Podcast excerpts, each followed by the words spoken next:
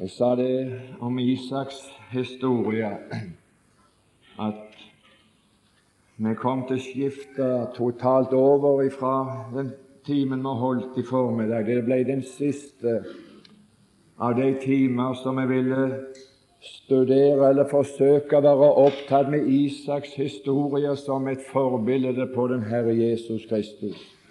Selv om fristelsen i mitt indre var svært stor til å fortsette der. Men altså, så langt som jeg har merka det og kjente med tanke på dette bibelkurs, så var det å snu og fortsette å bruke de resterende timer til å betrakte Isaks historie som et forbilde på den enkelte av de troende, slik at når vi leser Isaks historie, så leser vi vår egen historie, skreven på forhånd for tusenvis av år siden. Her er en som kunne skrive virkelighetshistorie, sann historie på forhånd. Gud er nemlig slik at han forkynner enden fra begynnelsen. Og vi skal lese et vers om Isak som vi har lest, og som vi støtter dette forhold på, ifra Galaterbrevets fjerde kapittel, og der det 28. vers. Der står Men, men vi, men vi, hvem vi? Men vi brødre. Hvem er vi brødre? Med brødre av Kristus. Kristus er den førstefødte iblant mange brødre. Og for å støtte og hjelpe litt unger for de unge her, så er det et uttrykk. Det er et bibelsk uttrykk. Dette er ikke et mannssamfunn. Det er ikke menner som er med her, men vi som er brødre av den Herre Jesus, enten med kvinner eller menn. For her er ikke kvinner og menn. For i Kristus er vi alle ett. Tenk, i denne verden så finnes det en plass hvor det ikke finnes kvinne og mann. En plass hvor det ikke finnes trell eller fri.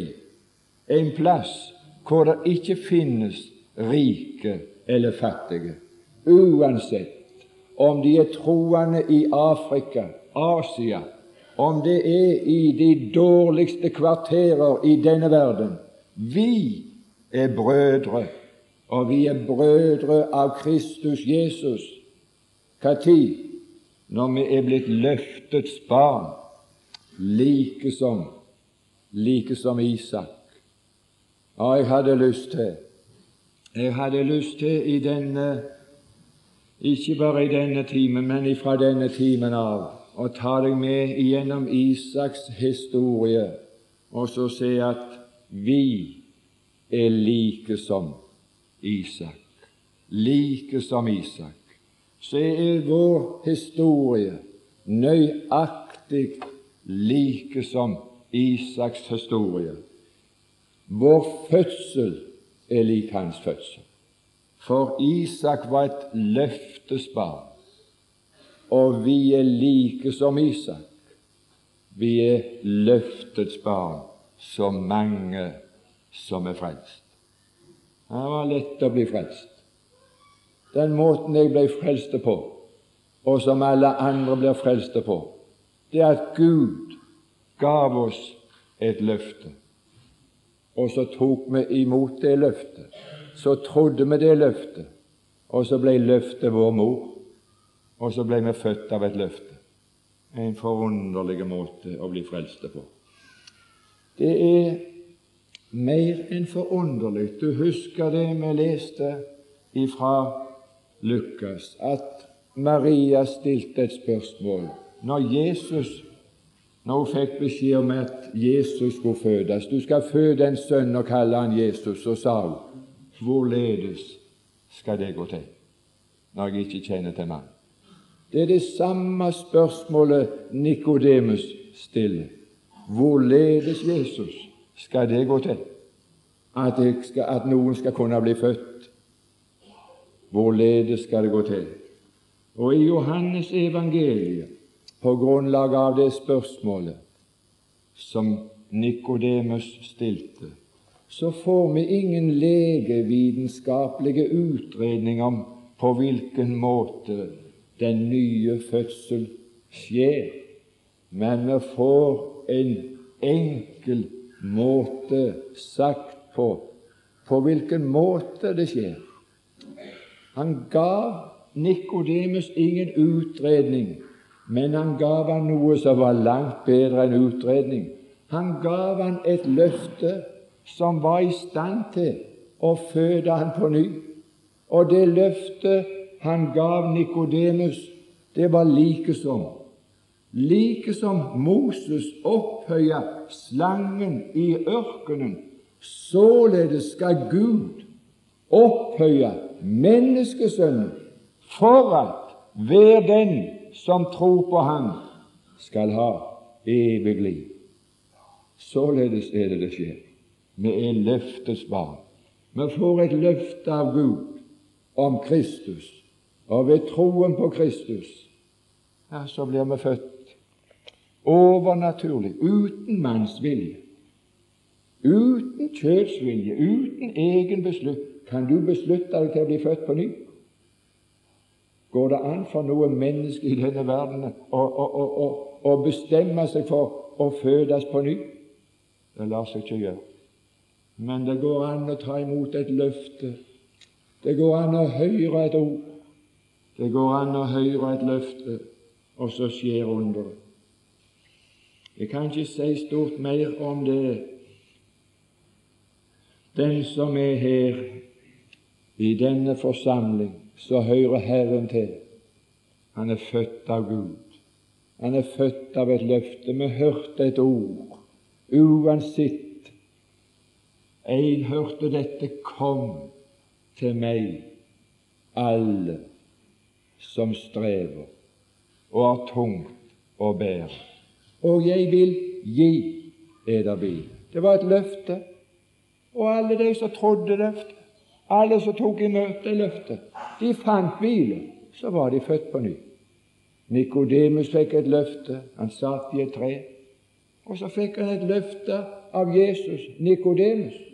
Nei, Sakkeus, skynd deg og stig ned, for i dag vil jeg bli i ditt hus. Det var et løfte.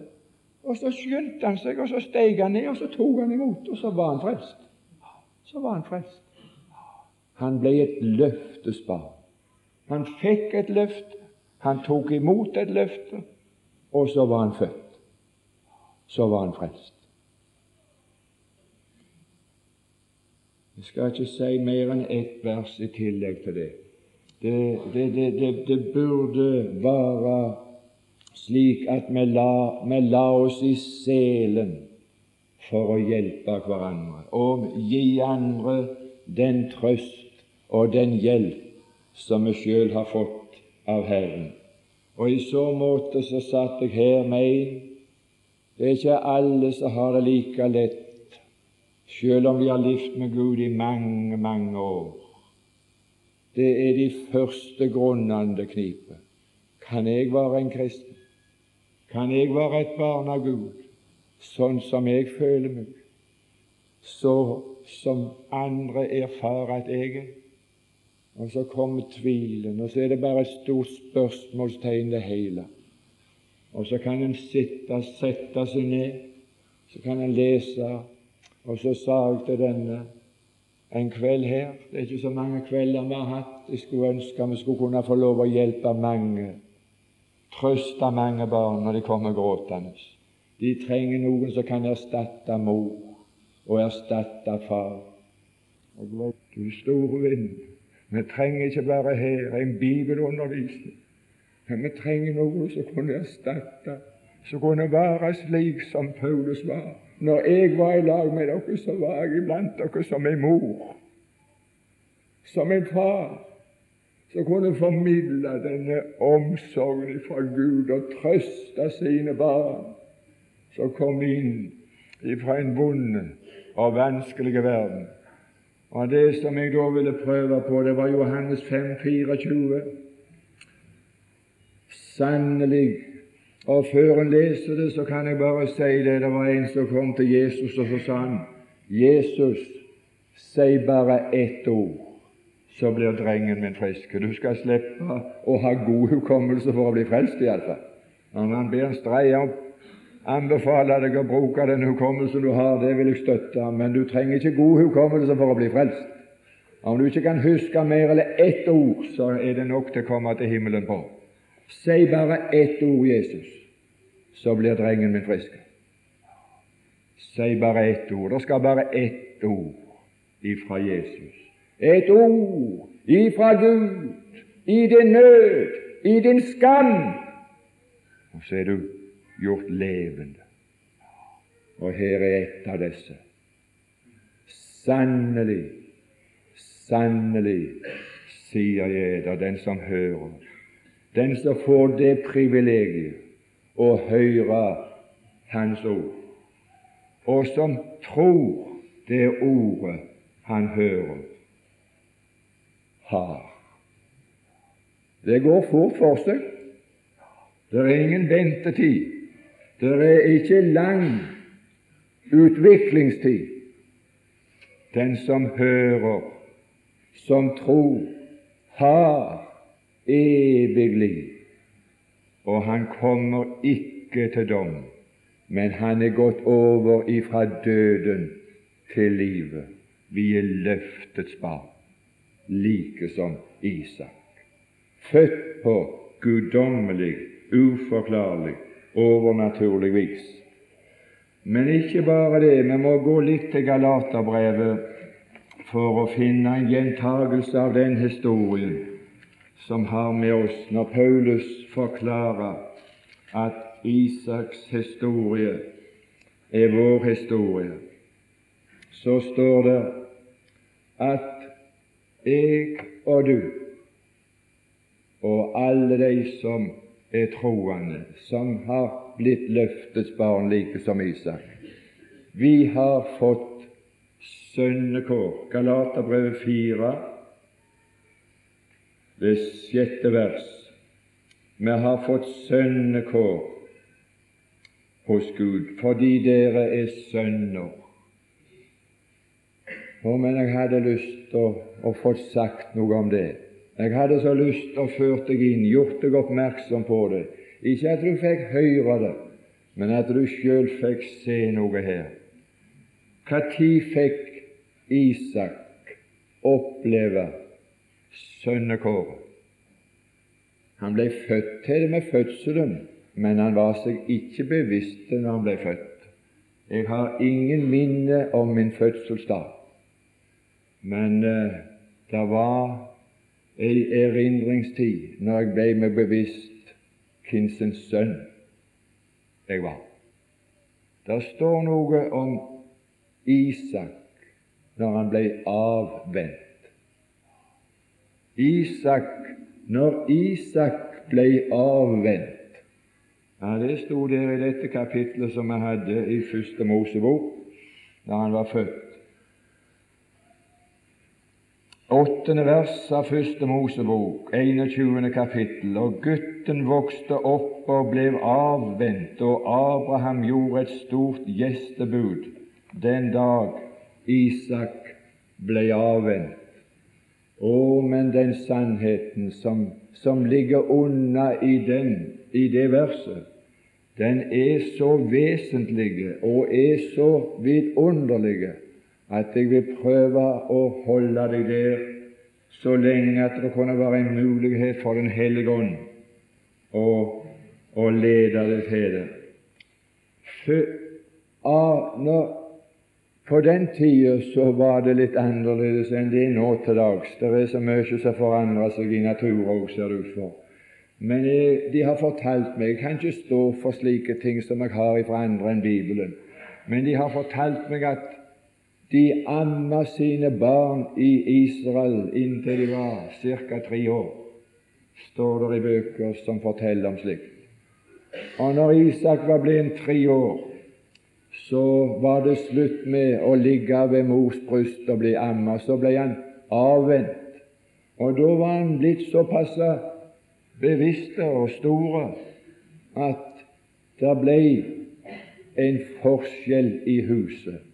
Så lenge Isak var så liten at han var et barn, så lenge Galaterbrevet 4,1 Men jeg sier så lenge ervingen er barn, er det ingen forskjell på han og en trell.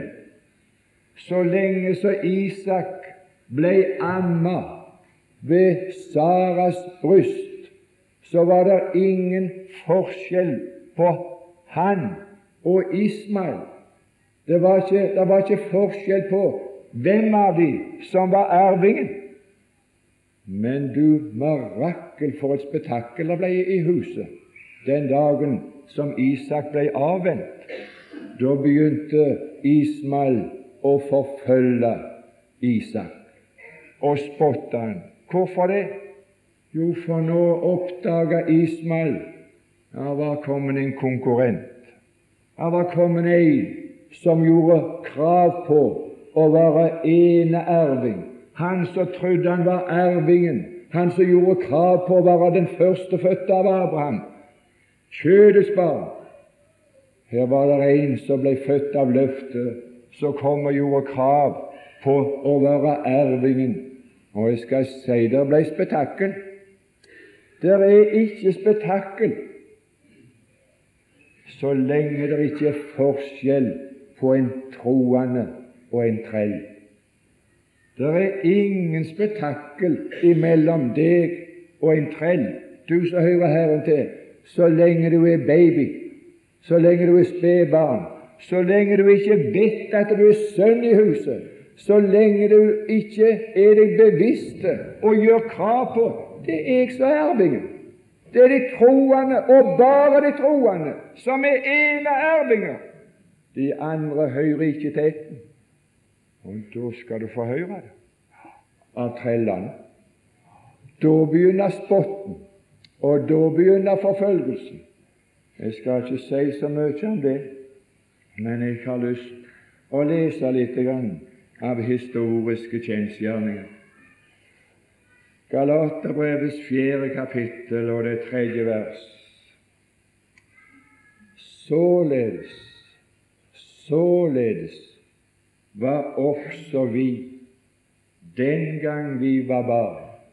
Det har ikke med å være nyfrelst å gjøre her, men dette har med den historiske utvikling i tiden. Den gang de troende i denne verden var barn, i Det gamle testamentet, så var det ikke forskjell på de troende og treller. Det var ikke godt iblant jøder å analysere er det en ekte kristen, eller er det bare en trell. For alle var jo jøder, men alle som var jøder, hørte ikke til det sanne Israel. De hørte ikke til Guds folk. Nei, hvem er ekte her? Det var ikke godt å avgjøre det, for det var ikke forskjell på dem så lenge ervingen var barn. Således var også vi, den gang vi var barn, trellbundet under verdens barnelærdom. Men da tidens fylde kom, utsendte Gud sin sønn, født av en kvinne, født under loven, for at han skulle kjøpe den fri som var under loven, for at vi skulle få barnekår, eller sønnekår. Har ved Kristi komme til denne verden, og ved hans død på Golgatas kors så kjøpte han barna fri. Og ifra den tid så begynte det å bli forskjell på de jøder som hadde liv i Gud, og de jøder som bare var lovtreller og fariseere og bare var tomme bekjennere. Ja, det var det. Således var det også vi med oss. Galaterbrevets fjerde kapittel og det 29. vers. Der står Men like som den gang Han som var født etter kjødet, det var Ismael. Han som var født etter kjødet, forfulgte ham som var født etter Ånden. Således og nå, med en gang at det gikk opp for jødefolket at det var de kristne som var ervingen, så begynte det en forfølgelse ifra jøder retta imot disse som trodde på Jesus og forlot jødedommen. Men det var ei avvenningstid, og den avvenningstiden leser vi om i apostlenes gjerninger. Det var nokså fredfullt i begynnelsen, så lenge det var i starten. Men etter hvert som, som de kristne ble avvent, så begynte jødene, ismalitterne, å forfølge de kristne. Og den første som opplevde den forfølgelsen på en grufull måte, det var Stefanus. Han var den første martyr, og det var jødefolket som drepte han. Hvorfor? Fordi at Stefanus gjorde krav på at det er bare de som er løftets barn, som hører til etten. Det er bare de som tror på Jesus, som er ervinger. De andre skal ikke erve med den frie kvinne. Driv. Derfor sier Skriften, driv ut ja, ja, jeg vil få lov å lese litt av den avvenningstida fra apostlenes gjerninger. Det der er det der er svære historier. Det er bare til å gjøre oppmerksom på fakta. Dette er sanne, og dette er sindige ord. Femte kapittel av apostlenes gjerninger og det 33. vers.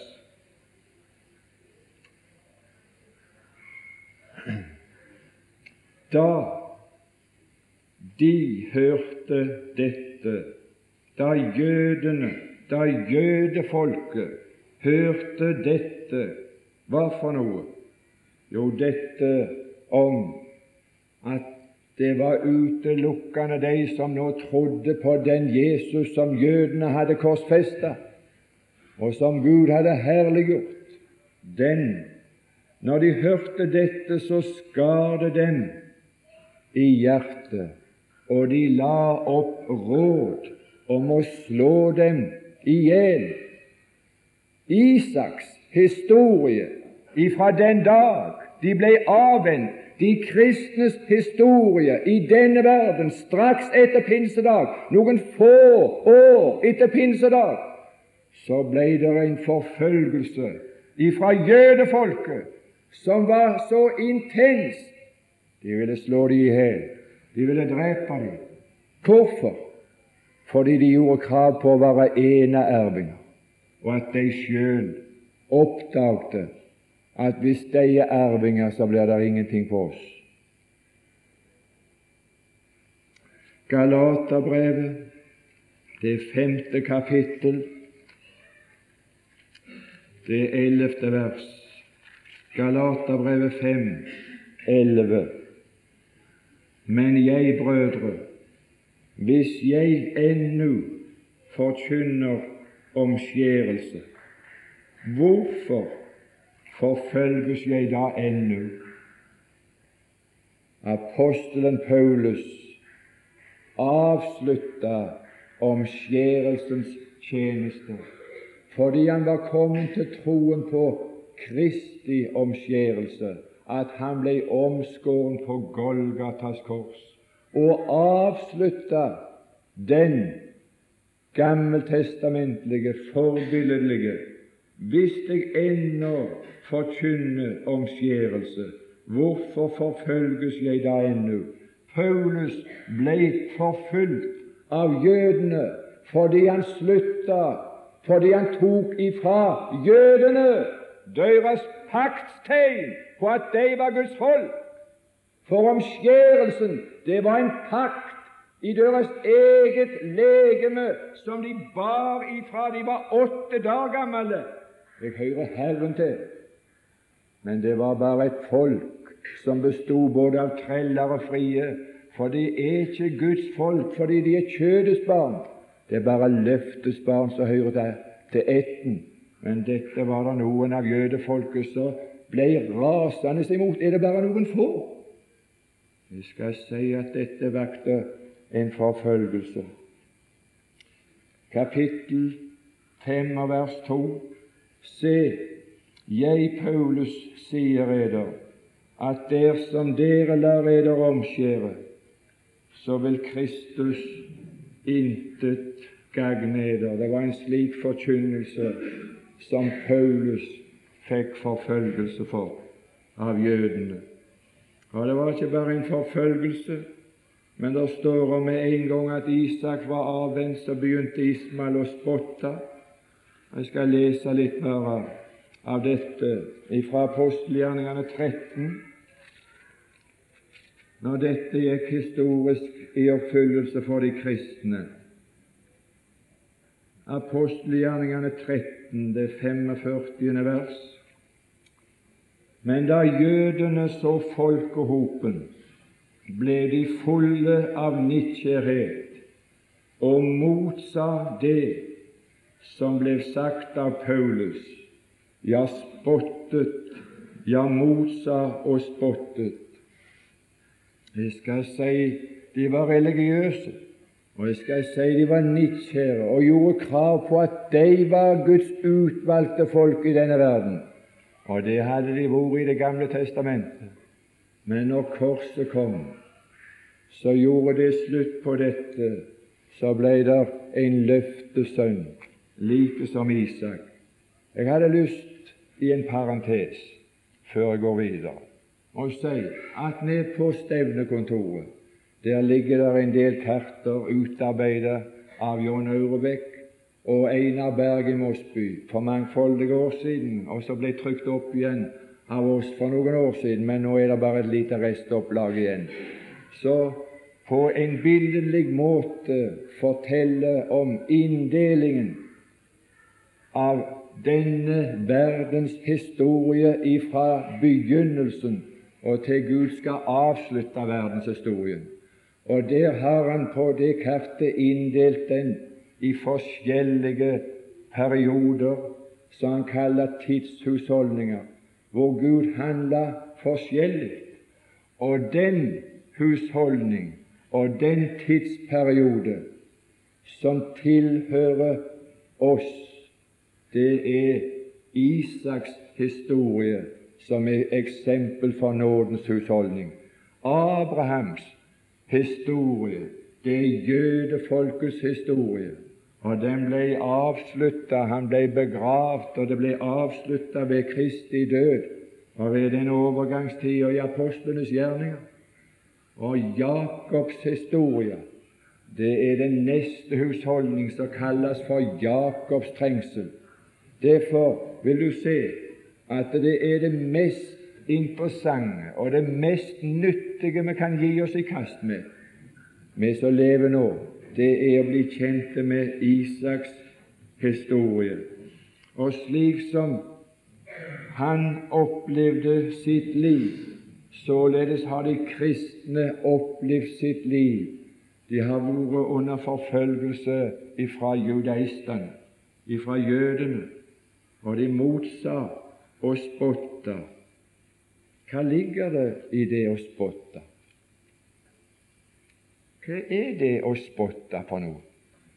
Ja, det er forklart i Bibelen, i Fjerde Mosebok, det femte kapittel og det tredjefte og 31. vers. Han, den som spotter, han håner Herren, for han har ringaktet Herrens ord. Og det som jødene spotter og hånte, de ringakta Herrens ord, at det var de som trodde på den korsfestede og oppstandende Jesus, som nå var løftets barn. var Guds ervinger og Kristi medervinger. Galaterbrevet skal du se om det gikk så som der står. Galaterbrevet, det fjerde kapittel og det tredjeste vers. Men hva sier Skriften? Driv ut trellkvinnen og hennes sønn. Skal lese når det skjedde.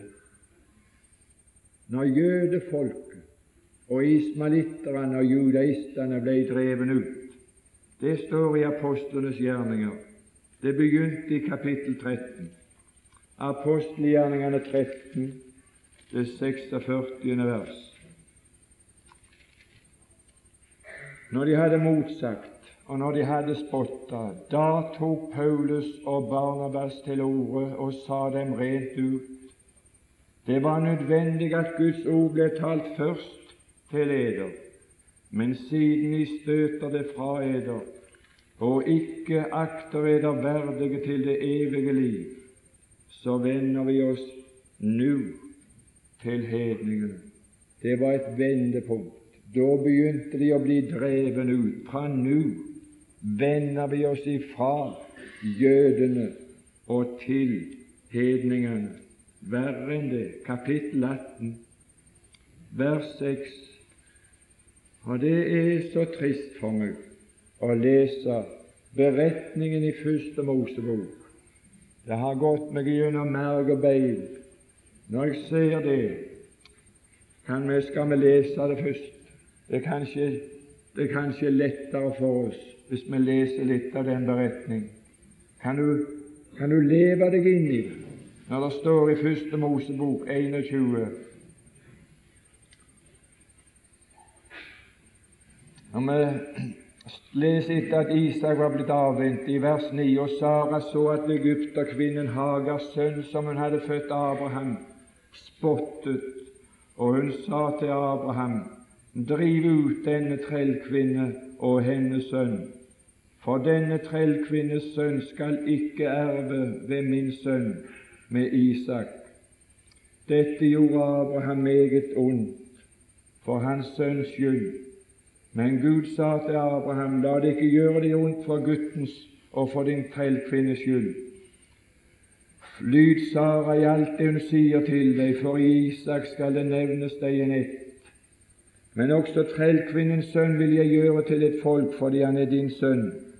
Da sto Abraham tidlig opp om morgenen og tok brød og en skinnsekk med vann og gav Hagar, og la det på hennes skuldrer. Han gav henne også gutten med og lot henne fare, og hun gikk av sted. Nå var dreven ut og for vill i Beerseba-ørkenen. Det er en hjerteskjærende beretning når noen blir dreven ut. Det er en hjerteskjærende beretning og så se at følgen av at Isak ble født, det var at en ble dreven ut. Det er en hjerteskjærende beretning for meg overhodet i det hele tatt å oppdage at jeg er løftes barn, for jeg er like som Isak, mens det er andre treller som drives ut og farer vill i ørkenen fordi de er kjødets barn.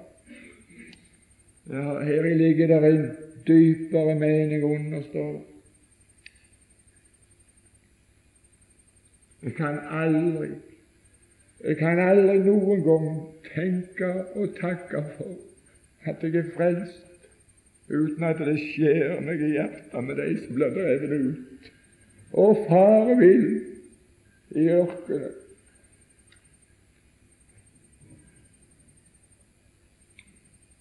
Og det var forbi med vann i sekken, kastet den gutten fra seg under en busk og gikk bort og satte seg et stykke ifra, så langt som et bueskudd, for hun tenkte jeg vil ikke se på at gutten dør.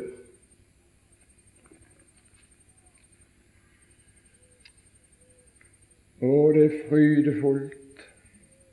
Det er frydefullt å være på bibelkurs å være opptatt i vårt sinn og i vår tanke på vår stilling i Kristus, vår arverett og vårt barnekår. Men hvor vemodig det er å tenke på de som blir drevet ut. Og det går meg så til hjertet at for mitt vedkommende så har det også vært slik at jeg vil ikke se på det når de dør. Jeg vil ikke se på. Vi skal komme igjen til det ved en senere anledning, kanskje. Jeg vil lese når det skjedde, når det skjedde historisk imellom jøder og de kristne, når en ikke tar det åndelig imellom de som er bare treller av åndelig fødsel i apostelgjerningene, det 18. kapittel og det sjette vers. Der kommer den dagen, dette øyeblikk, etter at de kristne var like som Isak blitt seg bevisst og var avvente, og ikke bare var barn, men visste om at de var barn, gjorde krav på at de var barn, forkynte at de var Guds arvinger, enearvinger, og at alle andre som ikke var kristne, de var treller som skulle drives ut. Er det løye det ble forfølgelse? Vers 6.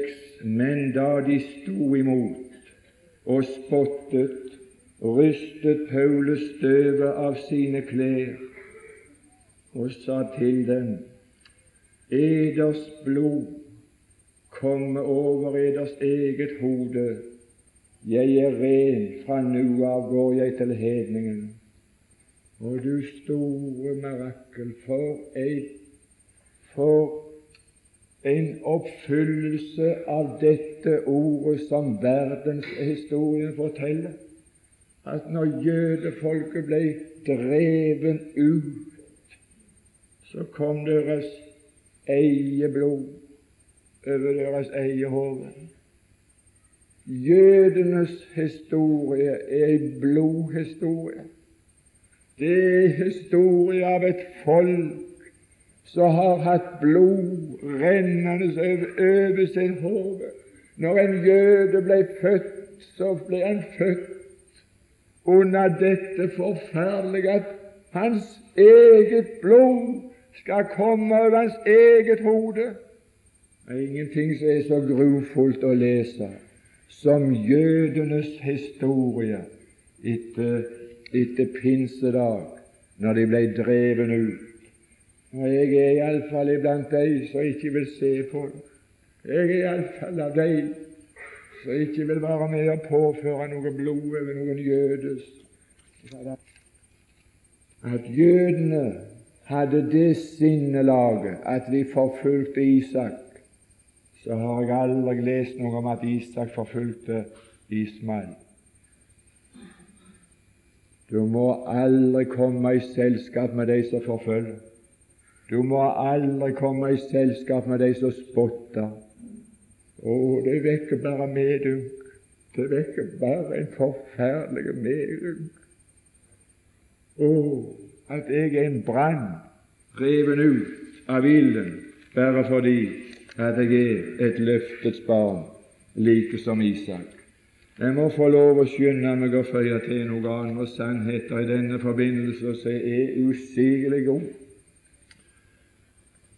Like som Isak. Vi er ikke bare født like som Isak, og vi har ikke bare det privilegiet at vi kan gjøre krav at vi er Guds ervinger, for er vi barn, så er vi ervinger. Vi er Guds ervinger og Jesu Kristi medervinger. Men når vi er det, så er vi Isak. Vi er sanne Isaker, og vi er et gledens barn for Gud, like som Isak. Alle som tror. Bare fordi at du tror, bare fordi at du tok et motløfte, bare fordi at du ble et løftes barn, så er du med din blotte eksistens til en uavlatelig glede for himmelen, for Gud. Jeg vil få lov å nevne det. Det gjør oss usigelig godt i livet.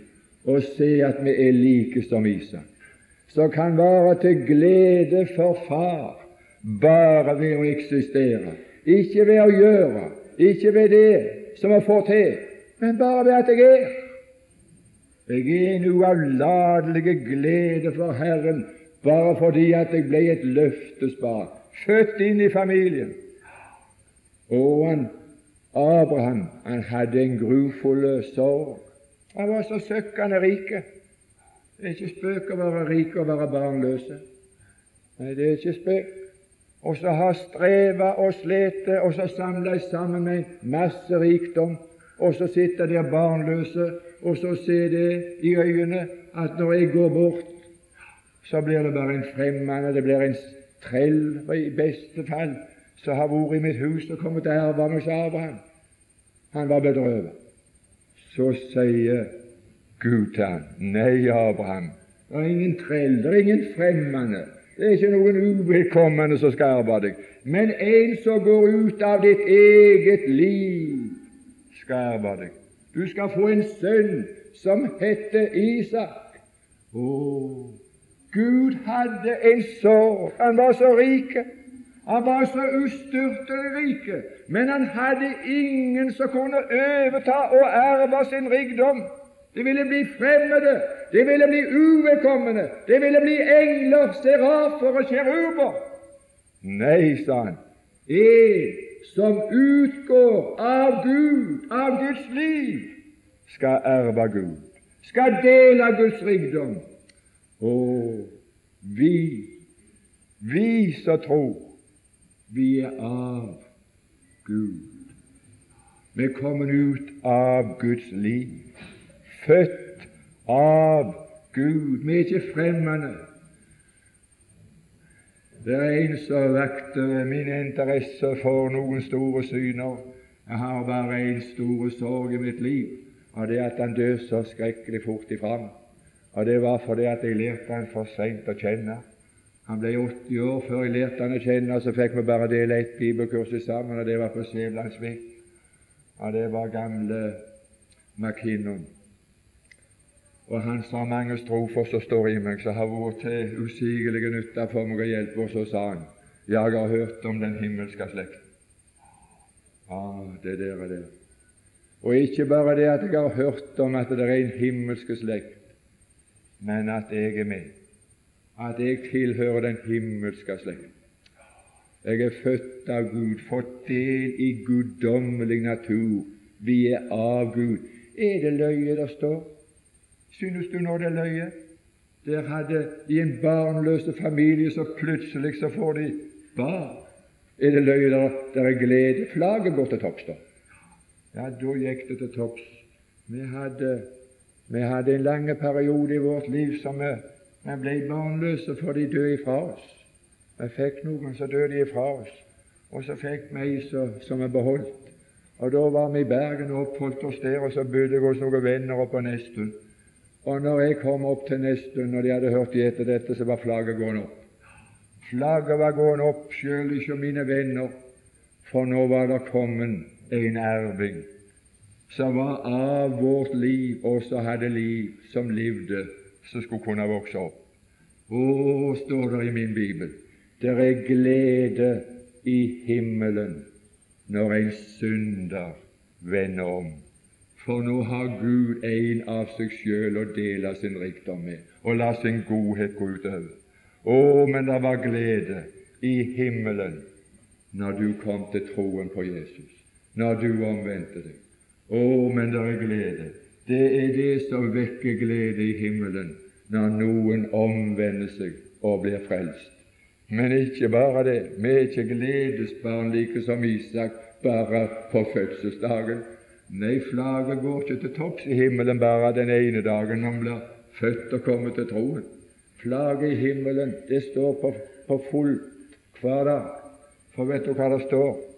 Der står det når han når han finner det fortapte får, så er han ikke bare glad at han finner det, men når han bærer det og har byrden av det og bærer det hjem, og kjenner tyngden av det på skuldrene sine hele veien, så ber han deg hjem med glede. Han har glede av at, han, at, at du er en byrde for Han har glede av at han kjenner å, nå tynger, nå tynger du på hans skuldre. Han har glede av å bære det. Å, dette er å være i nådens husholdning. Vi er like som Isak. Faderen bærer oss med glede. Vi er til en usigelig glede for Han, til tyngre vi blir. Ja, til tyngre vi blir. Ja, det er det feleste av alt.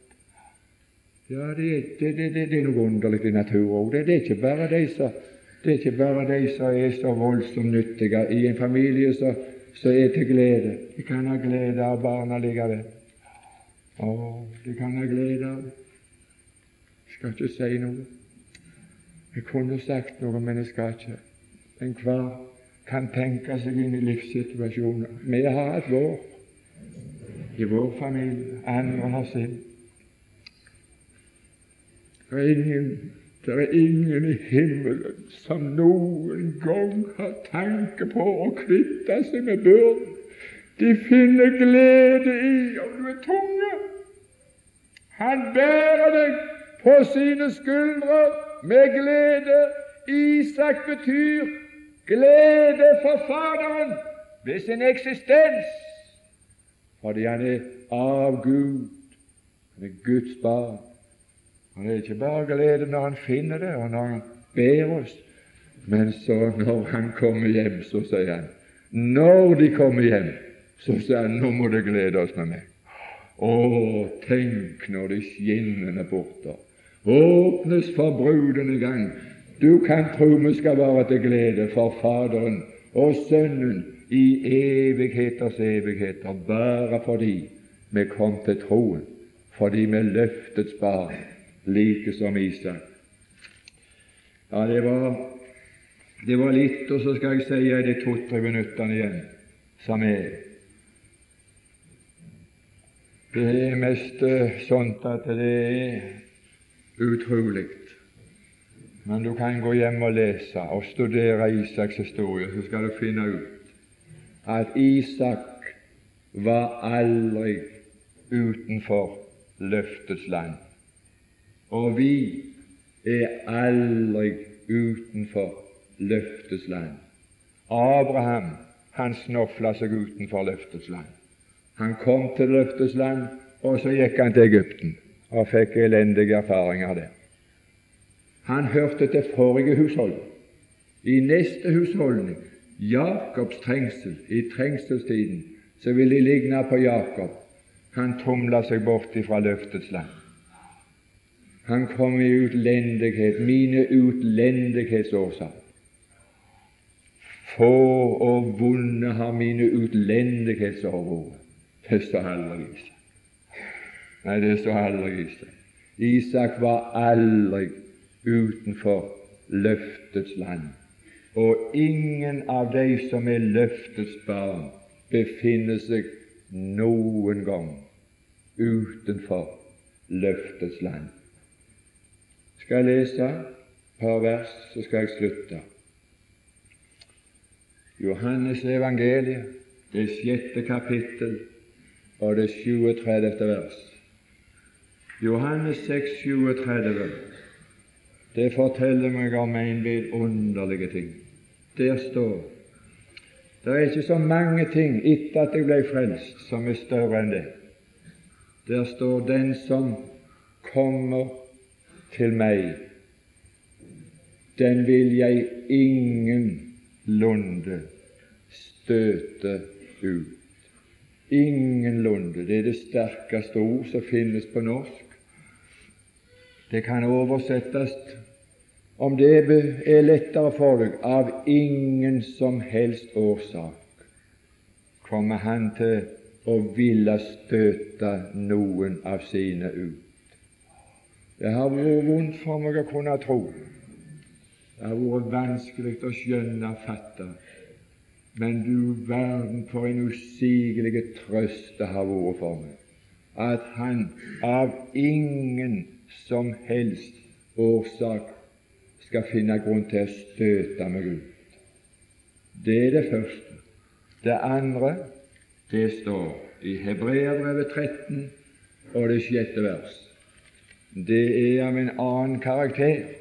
Da er det ikke spørsmål om å støte ut, men der står Jeg vil ingenlunde, av ingen som helst årsak, jeg vil ingenlunde slippe deg. Det er ikke bare det at han ikke vil støte oss ut, men han vil heller ikke slippe oss. Han vil ingenlunde slippe deg, og ingenlunde forlate deg.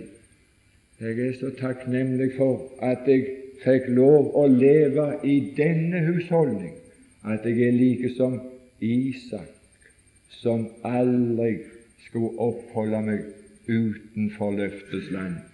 Skal, vi skal se ut av hans historie i de kommende timer at han hadde de samme tendenser og hadde den samme legning og den samme dragelse som Abraham til å komme ut, men han opplevde å bli stansa på grensen. Og jeg håper det at det skulle nå noen før det var for seint for deg, at du kunne nås med evangeliets ord. Du må nemlig bli løftets barn.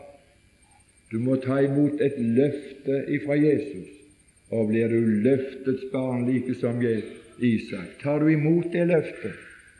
Jeg vil ingenlunde forlate deg. Det er mange som har lyst å være hos oss og være sammen med oss, men en dag må de gå. Paulus han gjorde den bitre erfaring at alle forlot ham. Ved mitt forsvar så forlot alle meg. Ingen altså ble igjen. De forlot ham alle. Så er det ikke slik. Det er ikke alle sanger som er helt bibelske, men jeg synger de hvis jeg legger god mening i det. Det er fælt å ikke synge for vi ikke er helt bibelske. Hvor skulle vi da synge? Men den sangen så lyder slik Du kommer, Jesus, også da. Det høres så fint ut, men det er ikke sant. Han kommer ikke og går ikke. Han sier, 'Jeg forlater deg aldri'. Så når alle de andre forlot, så kom ikke Jesus til Paulus i fengselet. Men Herren ble stående. Når de andre gikk, så var det en som ble stående. Herren ble stående hos meg, og han trøstet meg og styrket meg. Ikke med å få han ut av fengselet, men trøste han og styrke han til tålmodighet og til å stemme i en lovsang i de største pinsler og største trengsler. Og så stemte han i Snart er vi hjemme og står for tronen. Hva gjør det da solen har oss brent, som om man ble halshogd, eller om man ble korsfesta, eller om man ble drept på noen annen måte? Så gikk han til himmelen med sang. Det kan gjøre bare én ting med meg, det kan gjøre det bedre for meg. Jeg har det godt, jeg er frelst. Den eneste måten jeg kan få det bedre, det er å fare bort ifra legemet og hjem til Herren. Det er meget, meget bedre. Herre Jesus, vi for ditt åsyn fortsatt i takknemlighet, i tilbedelse. Takk, takk at også jeg fikk være med. Takk at ditt nådesord nådde mine ører, at jeg fikk høre det, og høre det på en sådan måte at jeg kom til troen Jesus, og at jeg har evig liv. Velsign oss fortsatt for ditt dyrebare navns skyld. Amen.